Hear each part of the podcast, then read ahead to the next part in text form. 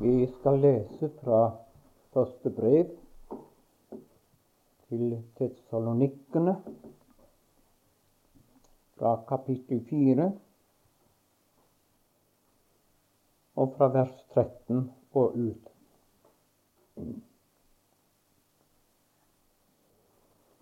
Men vi vil ikke, brødre, at dere skal være uvitende om de hensovne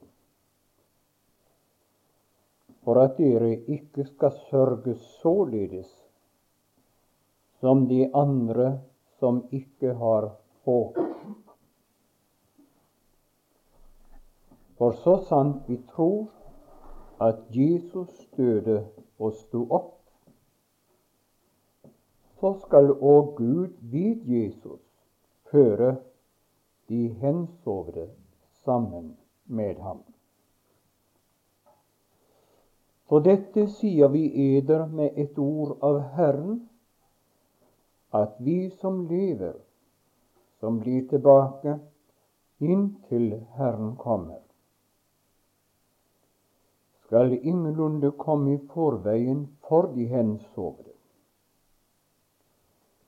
For Herren selv skal komme ned fra himmelen med et bydende råp, med overengelsk røst og med Guds basun.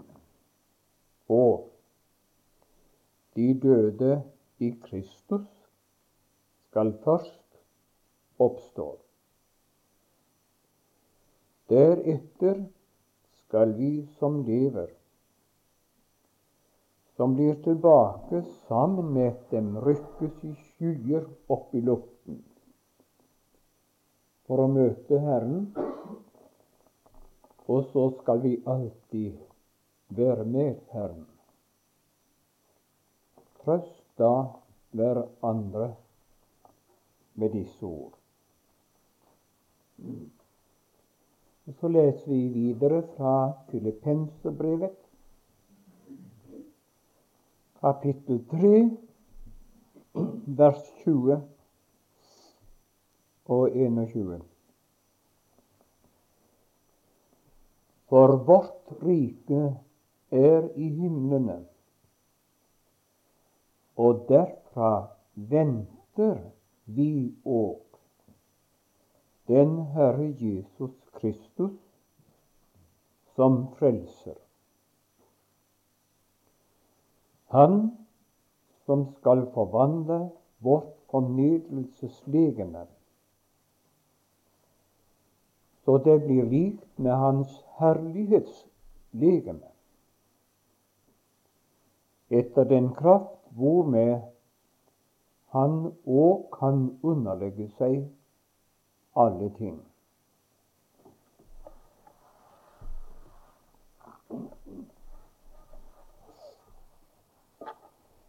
Den oppstandende skal komme igjen. Og det er egentlig etter ønske fra formannen i misjonen her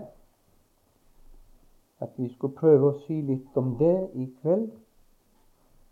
Og likeså i morgen kveld forsøke å si litt på spørsmålet hva betyr det å være rede til Herrens komme?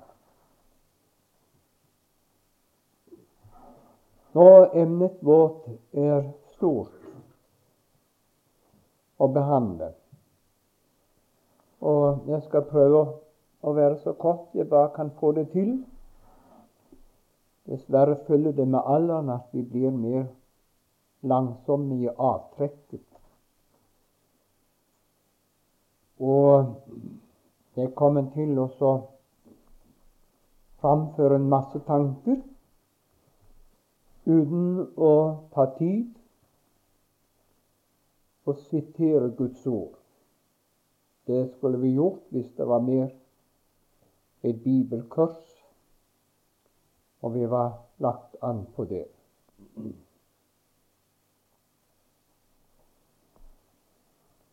Det kan vel ikke være nødvendig for denne forsamling å gjøre oppmerksom på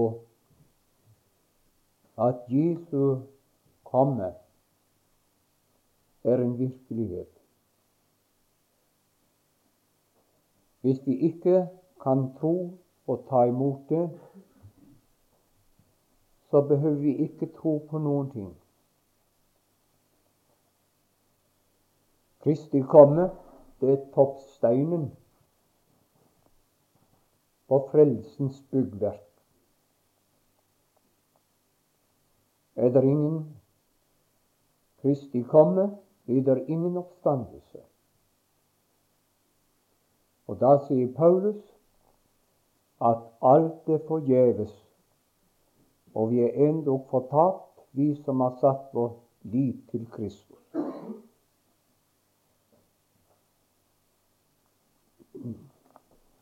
Men eh, med hensyn til Kristi komme så må det ikke verken i tanke eller i lesning av Bibelen forveksles med Guds rikets komme. når vi ber i Fader vår-bønnen 'Komme ditt rike', så er ikke det ensbetydende med Jesu komme. Og heller ikke er det ensbetydende med Jerusalems ødeleggelse, sådan som det framstilles i talene av Jesus. I Lukas evangeliet og Matteus evangeliet. Og det flyter sammen der med hans bebudelse om Jerusalems ødeleggelse, som fant sted 30 år etter Kristus, var det ikke så? Kristi komme er heller ikke den troendes død. Den troendes død betyr at Kristus kommer til den enkelte og tar seg av sjel og ånd og fører den hjem til himmelen. Det vet vi av Bibelen. Hvor herlig den opplevelse enn må være, så det likevel ikke hva Bibelen mener med Herrens komme og Kristi komme. Kristi komme er heller ikke det samme som dommedag. I gamle dager, jeg kan huske tilbake fra skolen, folkeskolen, så framstilte vår lærer det slik, en gudfryktig, godtroende lærer, at dommedag, Kristi komme, naturkatastrofer, jordskjelv her og der, alt det skulle finne sted med en gang. Og det var nok noe som de hentet fra en del av kirkefedrene som trodde og så det slik. Og Samtidig da så lærte de også en felles oppstandelse. Den skulle finne sted av alle mennesker, uansett enten de var kristne eller ikke kristne.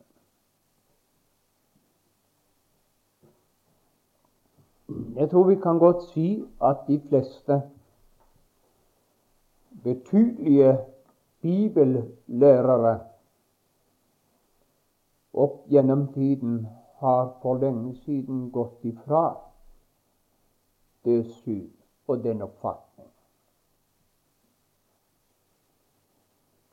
Sannheten om at det er to avskilte oppstandelser som skal finne sted, den er så klar i Bibelen som han har nær sagt to ganger to er fire.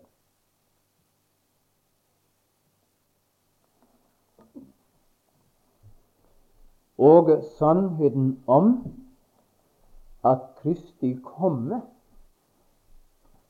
det vil finne styr i to akter,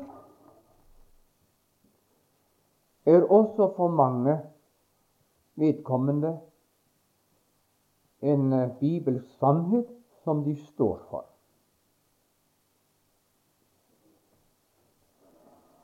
Disse to akter pleier vi også å kalle forrykkelsen og åpenbarelsen. Men selv om det finner sted i to akter, så vil hele begivenheten bære tittelen Herrens komme. Vi skal stanse litt på disse to akter og se hvilken forskjell det er på dem. For det første eh, det er Paulus som er betrodd sannheten om å tale om bortrykkelsen.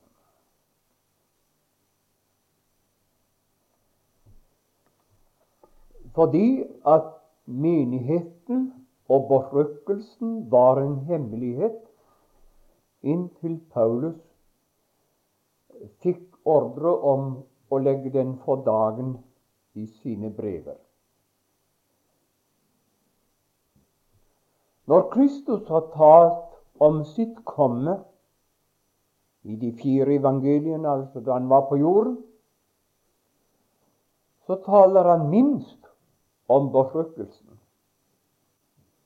Kanskje bare én gang kan man få inn noen av det, og det er Johannes 14. Men da taler han mest om sin åpenbarelse. Og det vil jeg gjerne be dere bibellesere at det må du ha klart for dere. Har man ikke det klart for seg, så roter man sammen læren om Kristi komme. Det har selvsagt ikke med, med spørsmålet vår salighet og saliggjørelse eller frelse å gjøre himmel å gjøre om vi forstår det forskjellig. Ikke det avgjørende. Men eh, det er alltid godt å ha klart begrep for troen. Så vil de andre tingene rette seg etter det som det kan komme spørsmål fra. Bortrykkelsen gjelder da i første rekke menighetens troende. Han kommer for menighetens troende. Åpenbarelsen, da kommer han for Israel i første rekke. Da gjelder det Israel. Og Israel i dag forberedes til den begivenheten, hvis dere følger noenlunde med. I bortrykkelsen heter det han kommer ned i luften.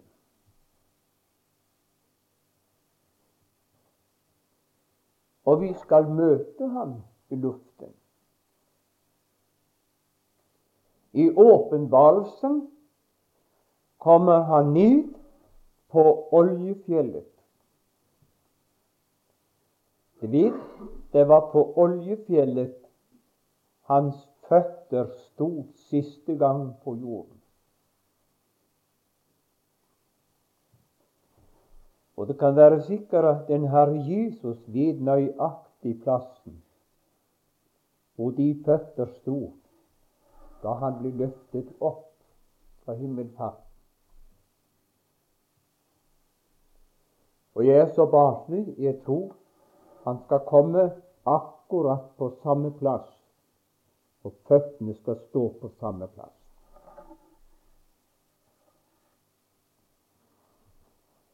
I bortrykkelsen er han kun synbar for de troende. I åpenbarelsen heter det at hvert øye skal se ham, også de som har gjennomstunget ham. Det menes Israel. Hvordan kan du påstå at han er bare synbar for de troende? Jo, det finnes ikke et ugjenfødt menneske som fikk se Jesus etter oppstandelsen. Og den herliggjorte Kristus som vi har i dag, det er bare de troende som har fått sett ham. De skal si ham en gang når han sitter på den store, hvite trone til dom. Men på frykkelsen er det bare de som blir med, som får se ham. De andre ikke.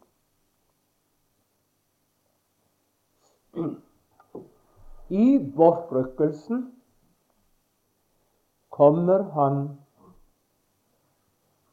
som frelser med den store hensikt å frelse. For, forveksler ikke uttrykket 'frelse' at han kommer for å frelse syndere. Det kom han med den hensikten når han kom i krybben. Og med det mål lever han i dag. Og det ønsket har han for deg som enda ikke måtte være frelst, og endog at det måtte skje i kveld.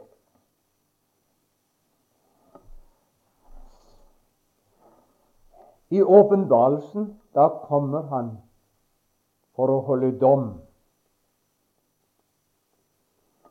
Først av alt skal han holde dom over nasjonene som har mishandlet og forfulgt Israels folk opp gjennom tiden. Og Gud hjelpe Naser hvis han opplever åpenbarelsen av Kristus. Og de som er hans tilhengere. Og Sovjet og også Sovjets tilbydere i Norge.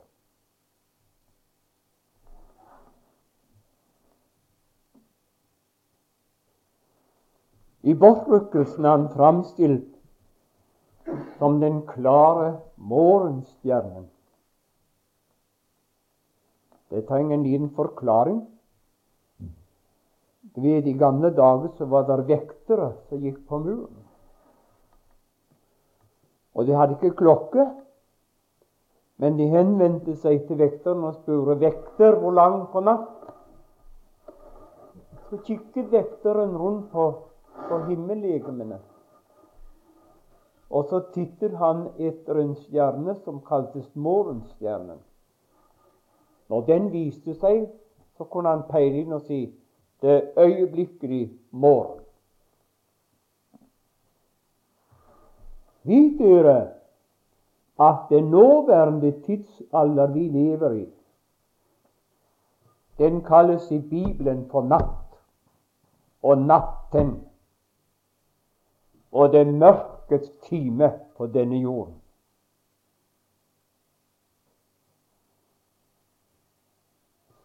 Og vet dere at denne nattsperiode skal avløses med morgenstjernen. Kristus skal komme og hente sine. Men gudskjelov, da skal det også bli morgen. For når han kommer i åpenbarelsen, skal han komme som rettferdighetens sol, med legedom under sine vinger. Og da er det tusenårsrikets periode stiger fram på jord. I bortrykkelsen da kommer han stille og rolig som en tyv. Tyvens største kunst er å komme ubemerket. Blir han oppdaget, er slaget tapt. Han gjør ikke noe kupp.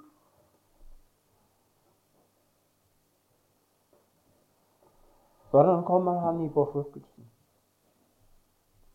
I åpenbarelsen skal han være hørbar for alle.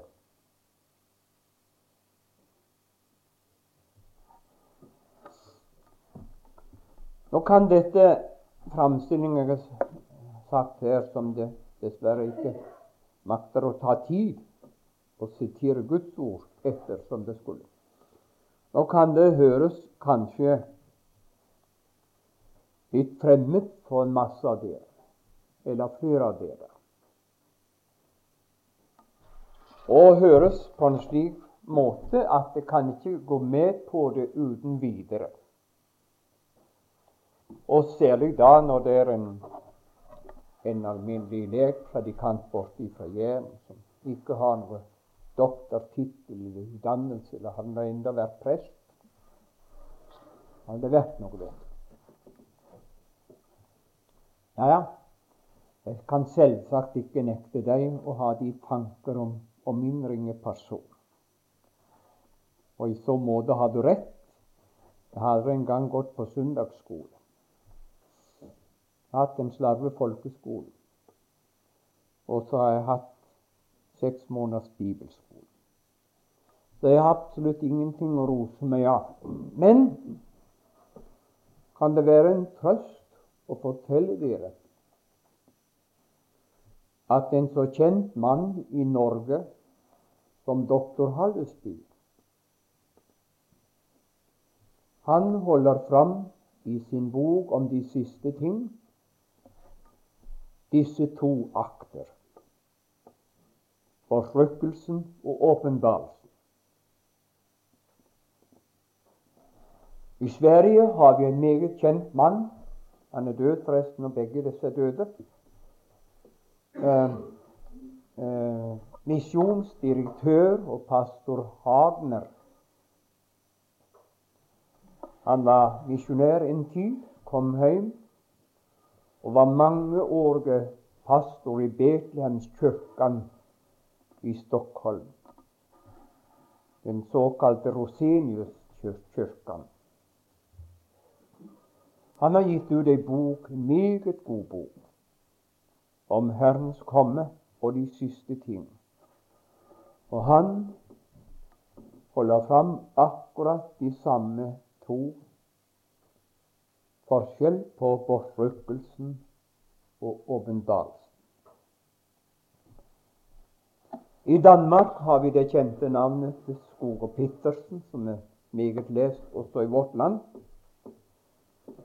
Han holder også fram, men ikke så sterkt som disse to første, Hallesby og Hagner. Og så sier Bibelen at ved to og tre vitners sak, ord skal en sak stå fast. Og kan det ta med den fjerde på kjøpet, så står han her. Og ved siden av han så kan jeg si at innen den engelsktalende verden av de meste teologer som gjelder noe om de profetiske ting, så står de for dette syn. Og doktor Sauer fra Tyskland, den store lærde bibelskolebestyrer, hvis bøker dere skulle anskaffe dere, gjør hva dere kan for å få tak i boken 'Fra evighet til evighet', som nå er på utsalgspris til 12 kroner. Den koster ellers 25 kroner. Han holder også fram det samme. Nå vel. Spør vi så Hva er det vi som sitter her, aller først har i vente angående Kristi komme? Da kunne det vært fristende å begynne å tale om tegnene. Men eh, det må jeg bare gå ifra. Det kan være nok også nevne for dere hva det skjedde med Israel i fjor, og hva det har skjedd med dem inntil nå. Hvis dere følger noe noenlunde med, og vil lese Bibelen, så vil det kanskje gå dere som mannen borte på Sørlandet de fortalte meg om. Det var småmøte på bedehuset. Vi kaller det småmøten. Det er ikke noe predikantbesøk. Og de troende bare er med seg selv. Og plutselig så kom den mannen inn som de aldri så, verken i bedehus eller kirke. Og de kjente han helst som en ateist, en gudsfornekter. Og så ble ordet gitt fritt til vitnemøtet. Og da står denne mannen opp og forteller at han er blitt frelst og omvendt og frelst. Og han forteller også hvordan det gikk til. Jo, han leste så meget i avisen om Israel. Hørte foredrag om Israel. Og hørte også over radio om Israel.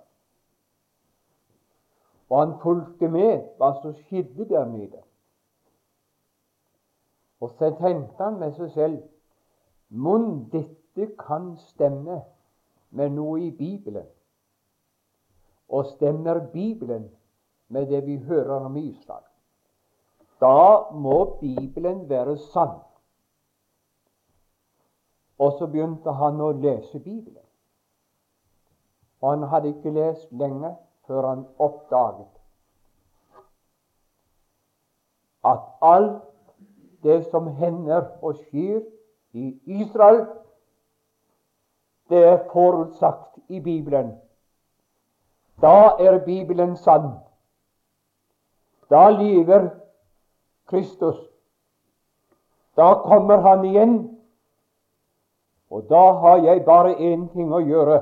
Det er å omvende meg, så jeg kan bli med når Jesus kommer.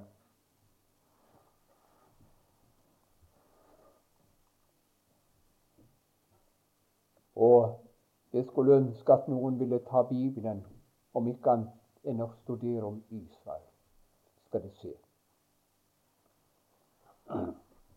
Men vi får gå ifra det som heter tegnene. De er så mange. Ja, la meg få lov å komme med en til. Som du vet, så begynte søndagen med Kristi oppstandelse. Før var det sabbaten som var helligdag. Ikke sant? Guds menighet de har antatt søndagen som helligdag og hviledag.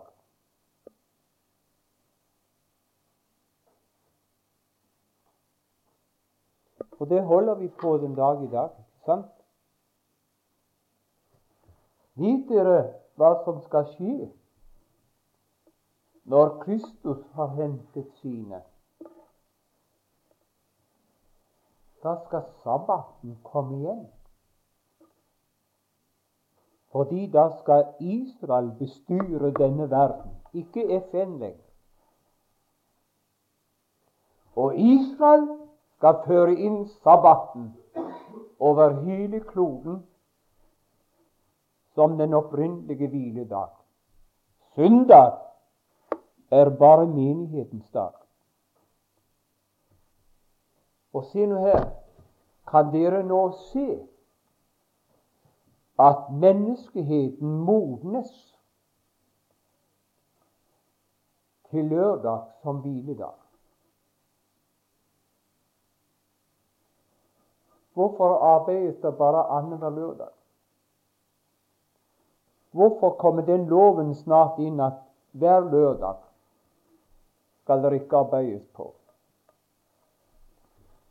Og hvorfor går arbeiden av den arbeidende mann veldresset og oppkledd på byen lørdagen, koser seg og, og hviler seg og strekker seg og, og må ikke misforstå meg, jeg misunner han slett ikke. Eller, eller at han har sin hviledag. Han trenger det. Men finner han igjen på søndag. Da arbeider han i haven. Da arbeider han på hytten. Hvis han ikke er på fotballplassen eller på en annen game. Vet du hva det betyr? Det betyr at tidsånden i mennesket modnes for å gå over til lørdag. Etter de troende er hentet, så skal de arbeide for fulle krefter på søndag. Og så skal lørdagen bli hviledag. Og alt dette står Antikrist bak, uten folk regner med.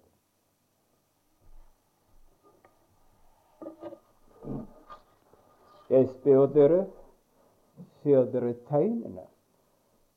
Hvis ikke, så sårer dere, alle sammen. At du forkaster det jeg nå har sagt, det er ikke bevis. Det må være deg selv som ikke følger med og ikke er våken.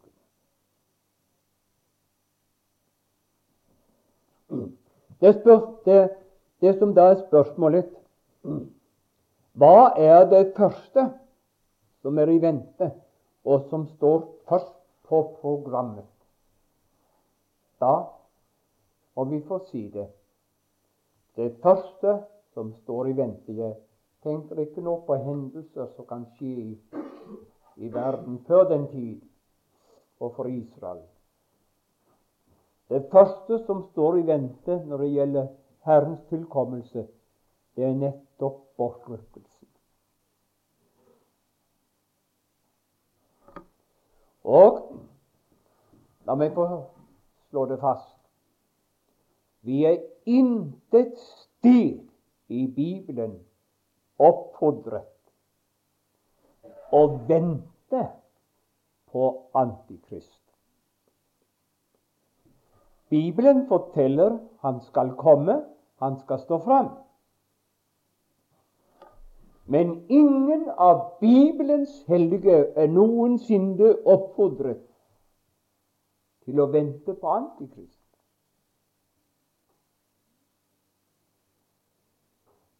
men regne med at han skal komme. Heller ikke er vi noensinne i Bibelen oppfordret til å vente på den store trengsel som Bibelen taler så klart om. Jesus sa da skal det være en så stor trengsel som aldri har vært før. Åpenbaringen 7 så Johannes trengselen de kom ut av den store trengsel og hadde tvettet sine kjortler og gjort de hvite i lammens blod. Og heller intet sted er en kristen oppfordret til å gå og vente på dommedag. Dommedag kommer så sikker som du og jeg er levende her i lokalet. Den omtales i Åpenbaringen 20. Og det er mulig vi skal være til stede der alle sammen. Er vi på Kristi side, er vi til stede for å se den rettferdige dom som skal finne sted. Er vi ikke på hans side, blir vi gjenstand for dom. Men hør vi er oppfordret til å vente på Guds sønn fra himmelen.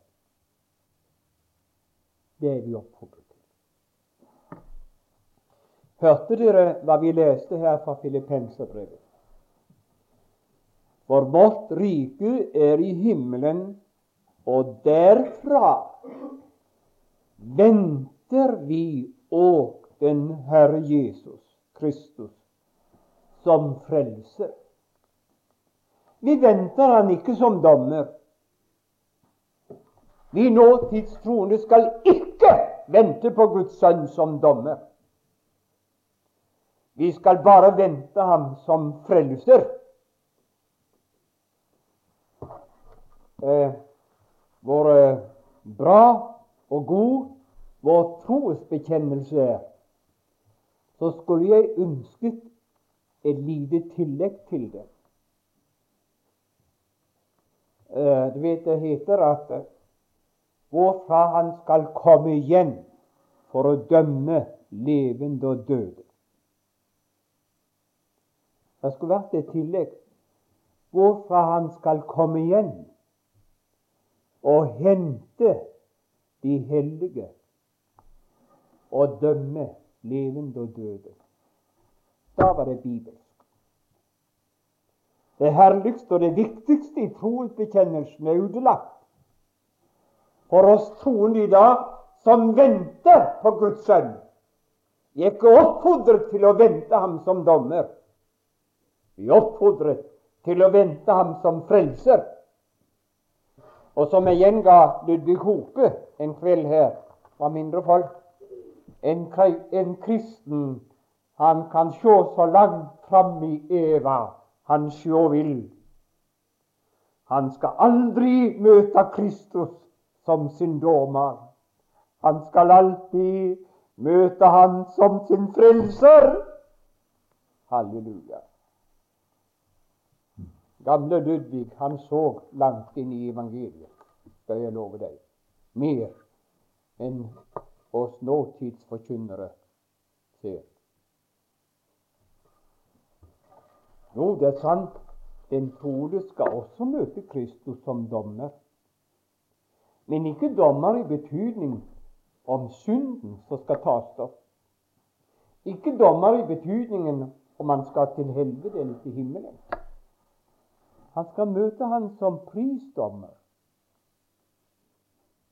For det arbeidet og gjerninger vi har utført her på jorden, det skal han møte opp som prisdommer vurdere vårt arbeide.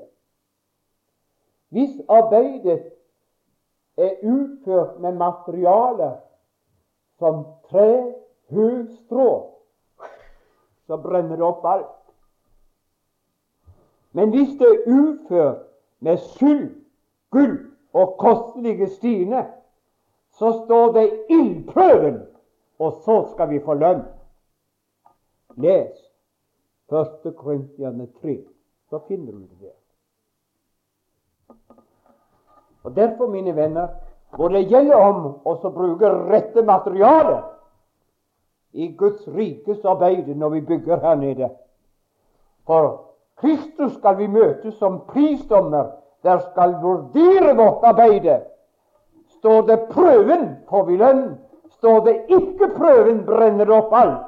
Stor skal vi bli frelst således som gjennom ild.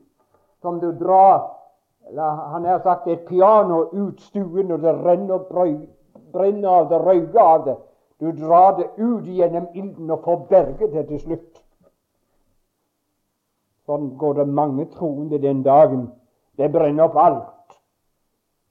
Det var for meget selvvisk og egen hensyn og for meget kjød i arbeidet. Og det de utførte for Gud, var ikke virket med den rette hensikt og med den rette mål for øye, og virket av Den hellige ånd. Derfor brente det opp alt.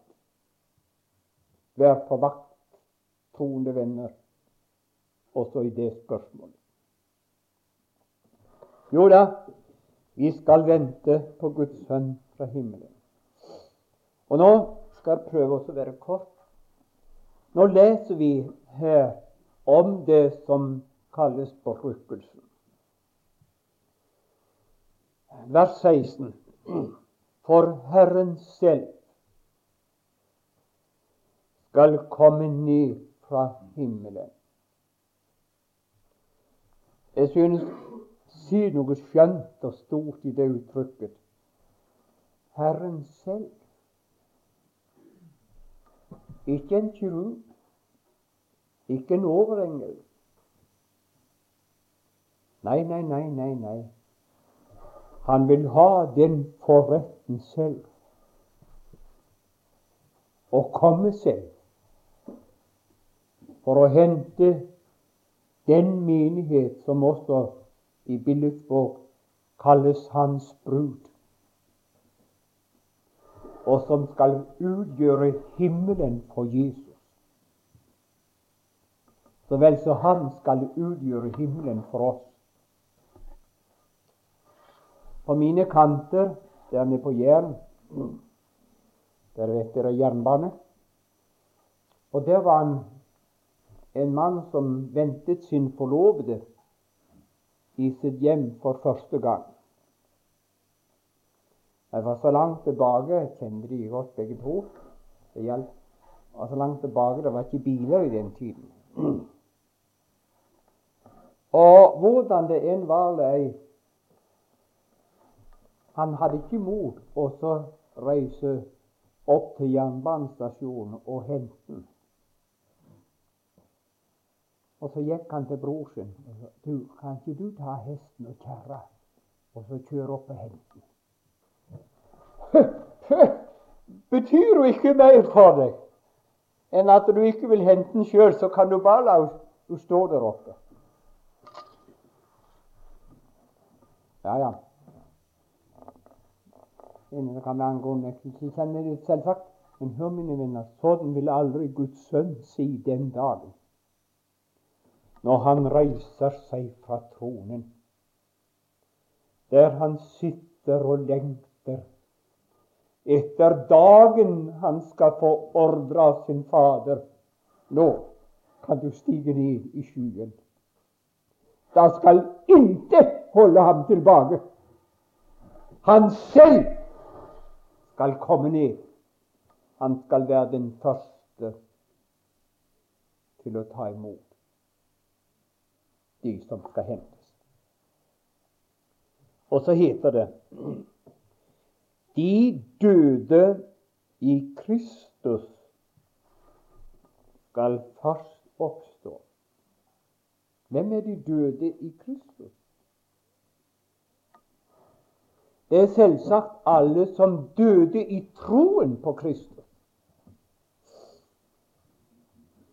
Og det underlige er at enten de levde før korset, eller de levde etter korset, så døde alle i troen på Kristus, den korsfestede.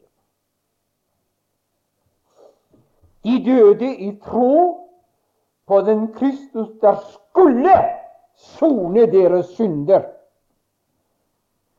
For offerdyrenes soningsblod det var bare på kreditt inntil Guds sønn kom og betalte den fullkomne regningen. Vi som lever i skyggen av korset, på denne siden av korset, vi ser tilbake på en som betalte regnskapet helt og fullt. Og så dør vi en dag i troen på det om vi ikke opplever Hans komme. Og Derfor heter det de døde i Kristus skal først det. Det er så mange troende som, som går og ønsker med seg selv å det skulle vært herlig å oppleve Jesu komme og blitt forvandlet. Ja, det, det gjorde jeg også en tid. For uh, det er noe i oss altså som ikke vil vil den fysiske død, kan vi unngå den, så gjør vi alt mulig. Men eh, jeg er ikke så sikker på om vi unngår en dødsprosess når forvandlingen finner sted.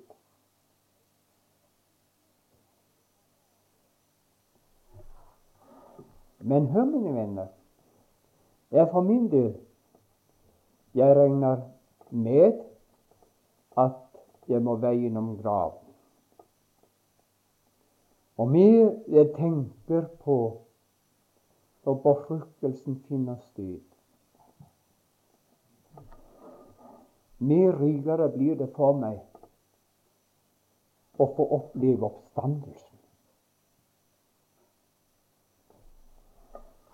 For, for tenk det vidunderlige å få kjenne med en gang at du er ikledt et nytt legeme som aldri mer skal ha en smerte. Jeg går og hinker litt på en fot. Jeg fikk så vondt i en fot jeg holdt på å skulle si fra meg hele turen her. Jeg kunne faktisk ikke gå stort.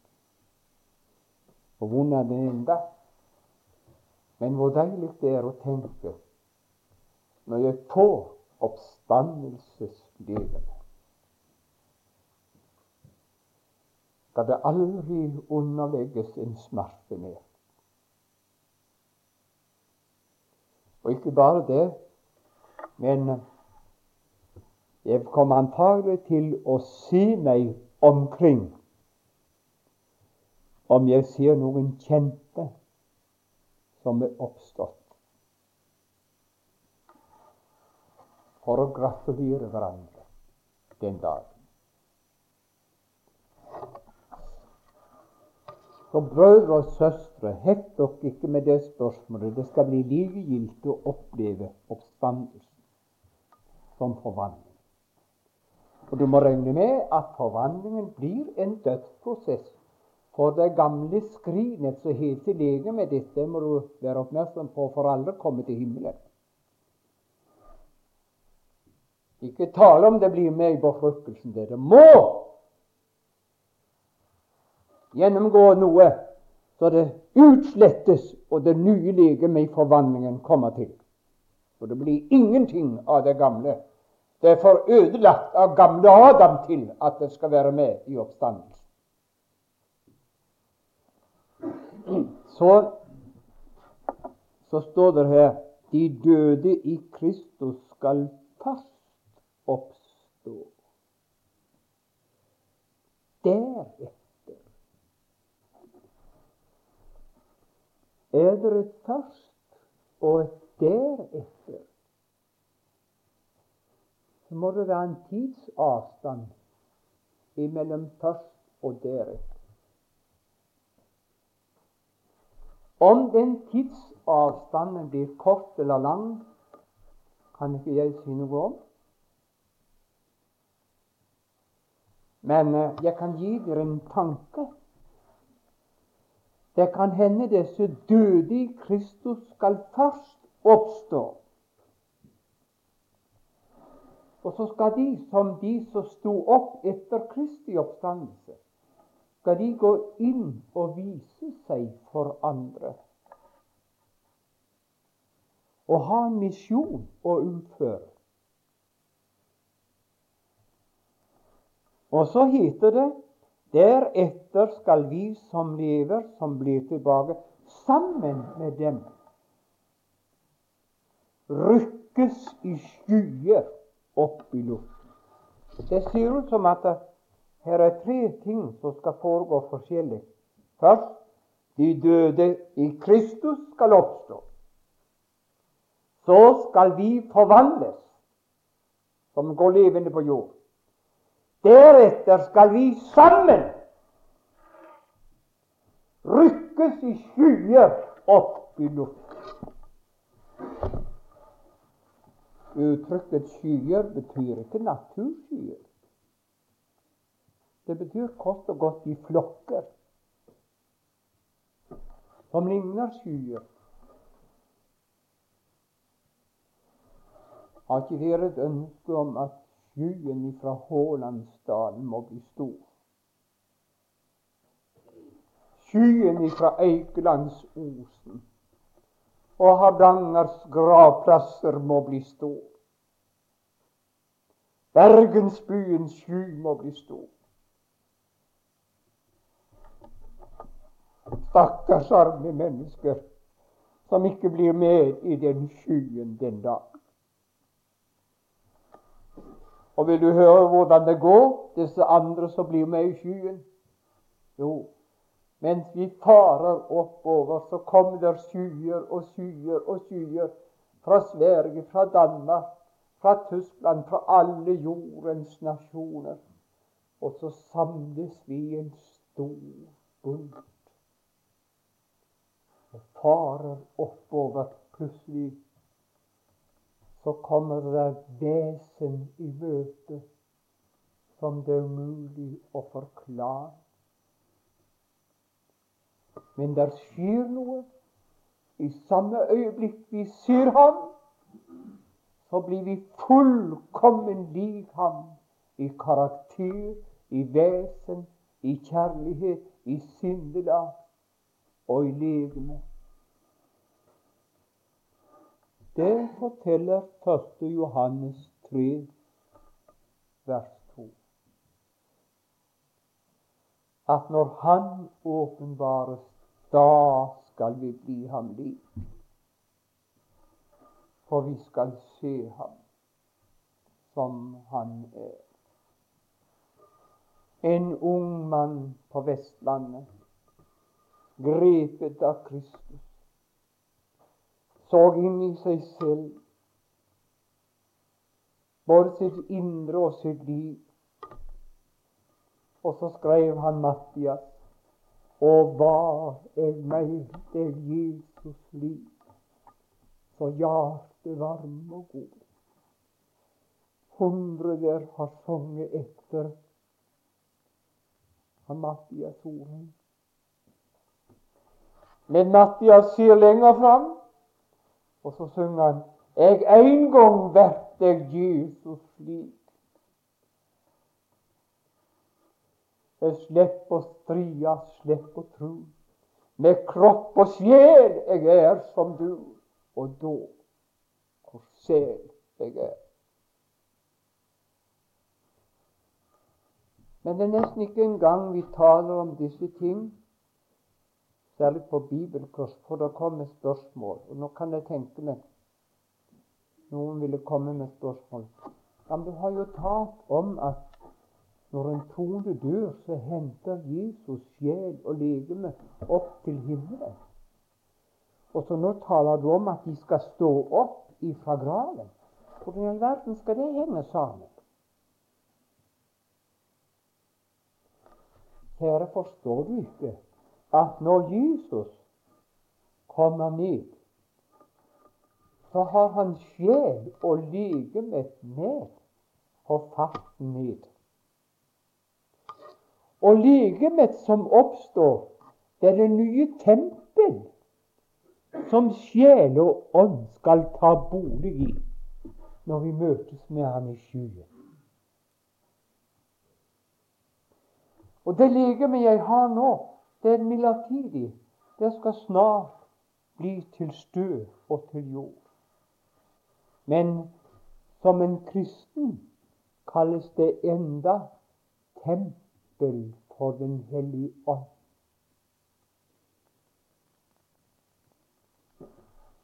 Men oppstandelseslegemet, det er mer enn et tempel for Den hellige ånd. Det er tempel for hele Guds sønns fylde og innhold. Og det store med oppstandelseslegemet det, det er kjemisk rent for det som heter gamle Adam og gamle Eva, arvesynden, eller hva navnet måtte gi det. Det som har plaget en kristen livet igjennom og forstørret mest Guds og gleden i Gud.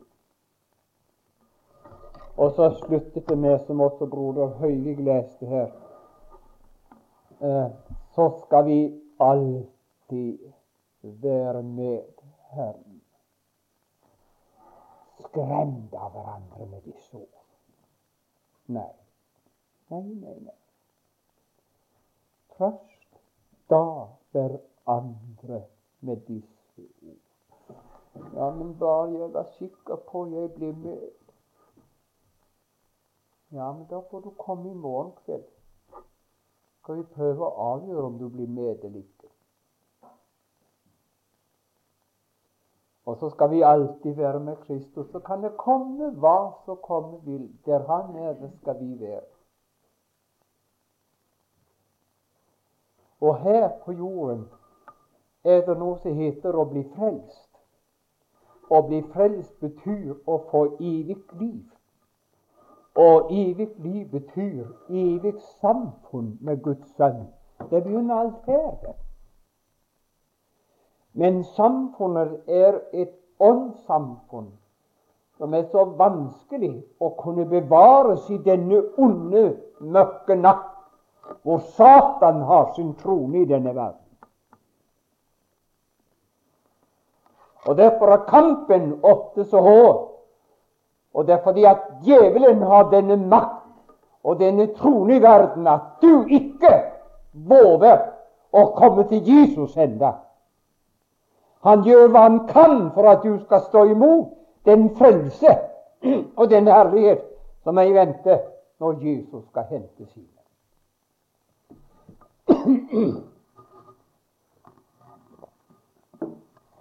Nå må vi be.